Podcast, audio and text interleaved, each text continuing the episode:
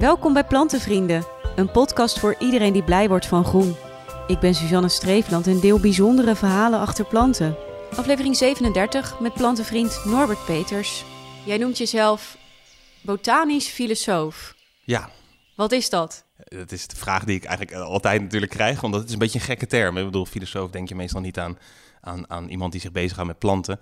En filosofie ging tot voor kort ook niet echt over planten. Er zijn wel filosofen die dingen schrijven over planten. Sterker nog, in de geschiedenis van de filosofie is er best wel een lange traditie van filosofen die ook wat over planten te melden hebben. En sinds kort zie je ook wel dat er bijvoorbeeld dierfilosofen steeds meer komen. Mensen die zich bezighouden met dieren. En eigenlijk plantfilosoof, dat, dat bestond nog niet. Dus ik heb mezelf botanisch filosoof genoemd. En dat eh, hangt eigenlijk, of dat heeft eigenlijk mee te maken dat. ehm, hebt natuurlijk de botanische wetenschappen. En die zijn enorm gegroeid. En hebben echt een enorme stroomversnelling doorgemaakt. Van de 19e, 20e eeuw. En wat je vaak ziet is dat er, ondanks dat er ontzettend veel al is ontdekt over planten, daar heel weinig van doorcijpelt naar het gewone publiek. En eigenlijk zie ik mijn taak een beetje als filosoof om die brug te slaan tussen die wetenschap en, en, en de maatschappij. Eigenlijk via de, de verhalen achter planten en de geschiedenis van, van de botanie. Omdat je dan ook leert zien dat ja, hoe wij kijken naar planten best wel bepaald is eigenlijk door hoe we denken over de wereld, hoe we denken over onszelf, hoe we denken over het leven en de natuur. En dat is eigenlijk iets wat me, wat me sterk interesseert. Eh, van hoe, hoe, hoe- ja, hoe is die verhouding tussen mensen en planten? Hoe is die gegroeid? En ja, wat zegt dat eigenlijk over hoe we kijken naar planten en hoe we planten waarderen en dat soort zaken? En zijn we planten meer gaan waarderen of zijn we anders ernaar gaan kijken? We zijn er zeker anders naar gaan kijken. Dus dat is eigenlijk het vreemde wat je leert, is dat de botanie of de plantkunde is niet een opeenvolging van hypotheses en geteste eh, eh, experimenten en, en testresultaten en al dat soort zaken. Dat is er natuurlijk ook. Maar het gaat ook om een andere manier van kijken. Dus het is, om maar iets te noemen, tot de 19e eeuw is het eigenlijk, bijvoorbeeld kruisbestuiving, bestaat niet. Men heeft daar totaal geen ehm, ehm, kijk op. Dus men heeft totaal geen kijk over de relatie tussen bloemen en bestuivers, om maar iets te noemen. En in de 18e eeuw zie je eigenlijk nog zelfs dat er nog helemaal niet eens wordt gedacht over planten als seksuele organismen. En sinds we dat zijn gaan doen, onder andere door het werk van iemand als Linnaeus en Darwin, ja, zie je dat we ineens heel anders gaan, gaan kijken naar, naar bloemen en bestuivers. Tegenwoordig is dat iets wat je op de basisschool leert, maar je moet je voorstellen dat het maar 150, 200 jaar oud is, dat besef. Dus, en we kijken nu zo anders daarmee. Hè, door, door, door die lens kijken we nu naar bloemplanten en naar bestuivers en het belang van die twee. Dus zo zie je eigenlijk, dat is maar één voorbeeld om, om te noemen hoor, maar zo zie je eigenlijk inderdaad hoe, eh, ja, hoe we door de geschiedenis heen echt anders zijn gaan kijken naar planten. En als we nu meer kijken in het nu, Ja, zijn we nu nog anders gaan kijken of valt dat mee? is lastig te zeggen. Op een bepaalde manier kijken we anders en op een bepaalde manier kijken we nog steeds hetzelfde. Het is heel moeilijk bijvoorbeeld om planten op een gelijke voet te zetten met dieren. We hebben gewoon veel meer aandacht voor dieren. En we vinden dieren gewoon veel interessanter. De meeste natuurdocumentaires gaan over dieren. En waar planten zijn dan eigenlijk vooral decor. Er zijn heel veel uitzonderingen hoor. En er zijn ook wel degelijk eh, documentaires die echt alleen maar over planten gaan. Maar je ziet nog steeds dat we die bagage met ons mee, die culturele en die filosofische bagage eigenlijk met ons meedragen. Dat we planten, het is moeilijk om een, planten, een huisplant op dezelfde manier te waarderen als een huisdier. Dat is, echt, dat is echt een wereld van verschil nog steeds.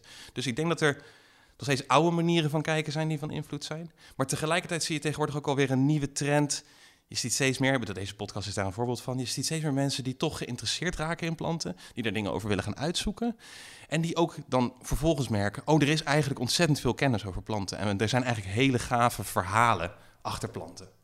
Ja, en een van die verhalen is over het gevoelige kruid. Ja, ik dacht ik kies een beetje een gek plantje. Het is eigenlijk, je zou kunnen zeggen, het is het Oosters kruidje roermeniet. hè. Het kruidje roermeniet, dat vind je tegenwoordig vaak bij de bloemist. Dat is dat geinige plantje, als je dat aanraakt, dan zie je die blaadjes samenvouwen. In botanische tuinen zie je die ook vaak staan, maar dan wat verlept. Omdat al die kinderen die langskomen, die zitten aan dat plantje. En op een gegeven moment wordt die ook wel een beetje vermoeid ervan. Kost, het kost natuurlijk energie. Ehm, en, maar die groeit eigenlijk meer in het, in het westen. Die vind je in, eh, in, eh, meer in Centraal-Amerika, Zuid-Amerika. En dit is eigenlijk het Oosterse kruidje roermeniet. Dit is de Biophytum sensitivum, zoals de, de botanici zouden zeggen. Daar hoor je al een beetje aan, hè? de levende plant die gevoelig is. Ja, sensitivum inderdaad. Ja. En, en het is natuurlijk gek om een plant leven te noemen, dat is hij natuurlijk. Maar dat gevoelige is natuurlijk altijd, ja, dat is, dat is in ieder geval het eerste geweest wat men opviel aan deze plant. Want het is natuurlijk heel raar. Hè? Er zijn maar weinig planten die ehm, gevoelig zijn voor aanraking en dan bewegen. Dat is eigenlijk iets wat niet heel erg gek veel voorkomt. Dus het is meteen een anomalie voor de mensen die dat tegenkomen en die dit gaan beschrijven. Of bewegingen die wij niet kunnen waarnemen. Nee, dit is echt een beweging die wij. Dat is dus het vreemde eraan. Het is een bewe- er zijn maar een paar planten die bewegen op een tijdschaal die de onze is. Die we echt zien bewegen. Later wordt ontdekt, onder meer door timelapse. Je- tegenwoordig heb je prachtige video-opnames waarin je die tijd vooruit kan spoelen. En dan zie je eigenlijk, oh, dat, die, hele- dat hele plantenrijk, dat is in beweging. Dat is iets wat pas veel later eigenlijk eh, eh, bekend wordt. In, in, in, in, en zeker toen het werd ontdekt, eh, ze praten we 16e, 17e eeuw, dan heb je natuurlijk vooral eigenlijk gewoon, ja, we, de meeste planten bewegen op een tijdschaal die niet de onze is, dus dat kunnen we vaak gewoon niet zien. Eh, maar er zijn een aantal planten die een uitzondering zijn en die wel bewegen op onze tijdschaal. En, en dat zorgt dan ook meteen ervoor dat deze planten in, in de, ja, eh, eh, onder de aandacht komen. En waarom beweegt hij? Eigenlijk is men daar niet volledig achter. We weten inmiddels al veel meer. Eh, dus onder andere Darwin heeft onderzoek gedaan naar beweging van planten. En ook gekeken naar. En dit is een plantje, je moet je het eigenlijk voorstellen. Dat is misschien wel goed om te zeggen. Het is eigenlijk een soort miniatuur palmboompje, lijkt het een beetje op. Het heeft een klein steeltje. En dan heeft het een, een, een soort krans van eh, bladeren en, en eh, stengeltjes in ieder geval. En daar zitten ze dubbele blaadjes aan. En die blaadjes die vouwen zich naar beneden als je ze aanraakt. En, en, en als je een tijdje niet aanraakt, dan gaan ze weer terug in de oude positie. Maar ook bij het invallen van de avond vouwen de blaadjes zich dicht. Net als bij de Mimosa pudica, de, het kruidje roermeniet. En bij het opkomst van de zon gaan ze weer open. Of hè, dat eh, ja, buigen ze weer open. En eh, dat was eigenlijk bijvoorbeeld voor Darwin een aanwijzing om te denken... oh, misschien heeft dit iets te maken met bijvoorbeeld ehm, temperatuurregulering. In de avond valt natuurlijk ook de temperatuur. Ehm, dat is, eh, nou ja, voor die, voor die plantjes eh, eh, kan het dan flink koud worden. En dit is dan een mogelijke manier om warmte beter vast te houden, minder snel af te geven. Omdat je natuurlijk toch je, je bladeren wat meer hebt toegevouwen. Maar waarom die beweegt op aanraking, dat is mogelijk iets wat te maken heeft met herbivoren. Dus je kan je voorstellen dat het als een, een klein diertje of wat ook of zo denkt zijn kaken in zo'n plantje te zetten. Dat als hij zich dan dichtvouwt, dat dat wat lastiger wordt. Maar eh, het is lastig te zeggen. Wat je ook wel eens ziet is als het heel warm wordt, dat zie je vooral bij eh, het kruidje roermeniet, dan zie je dat de blaadjes zich ook een beetje vouwen, maar niet helemaal dicht.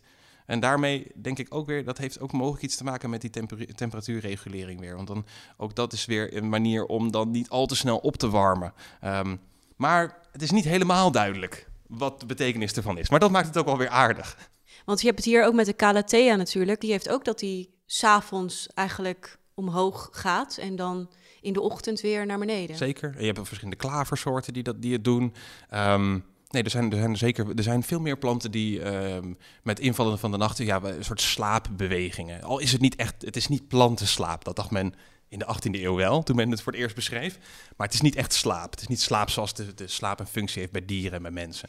En ehm, je hebt ook iets voor je liggen, zie ik. Ja, Wat is dat? Eh, we hebben mij natuurlijk gevraagd om een stekje mee te nemen. Eh, traditie in deze show. En ik dacht, laat ik een stekje meenemen die nog niet is uitgekomen. En ik, ik verzamel zaden. Eh, dat is gewoon iets wat ik, wat ik heel aardig vind. Omdat elk zaad is een beetje een, een, beetje een klein kunstwerkje vaak.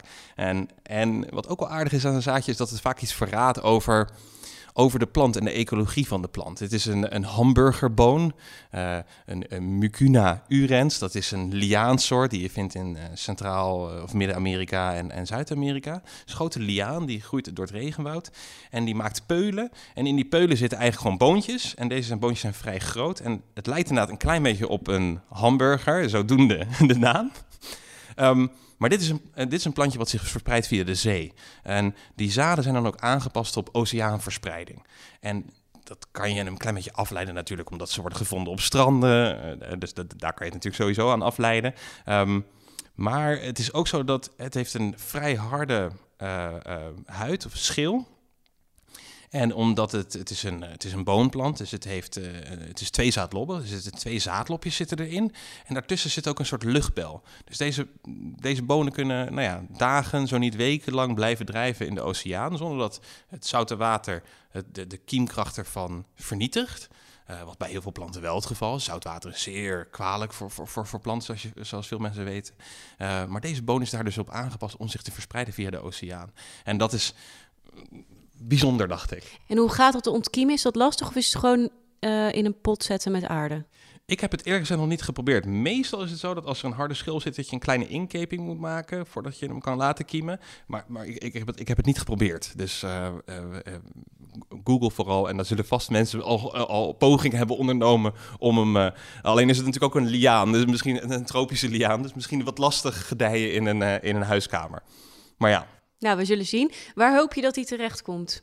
Dit zaadje. Ja, ik leg hem natuurlijk in de plantenbiep. Um, ik hoop dat mensen vooral denken van, wat is dit? Uh, en dan als jij erbij vertelt dat het een hamburgerboon is, en ik, en ik wil de Latijnse naam wel even voor je opschrijven, dan um, hoop ik dat mensen versteld staan van het feit dat, um, uh, ja, dat, dit, dat deze plant is aangepast op, op zich verspreiden via de oceaan. De plantenbieps die zijn te vinden op plantenvrienden.nl en op Instagram deel ik de updates van alle stekjes die mijn gasten weggeven in deze podcast. Heb je zelf een verhaal te delen? Dan kan je dat mailen naar podcast.plantenvrienden.nl. Leuk dat je luisterde en tot de volgende aflevering.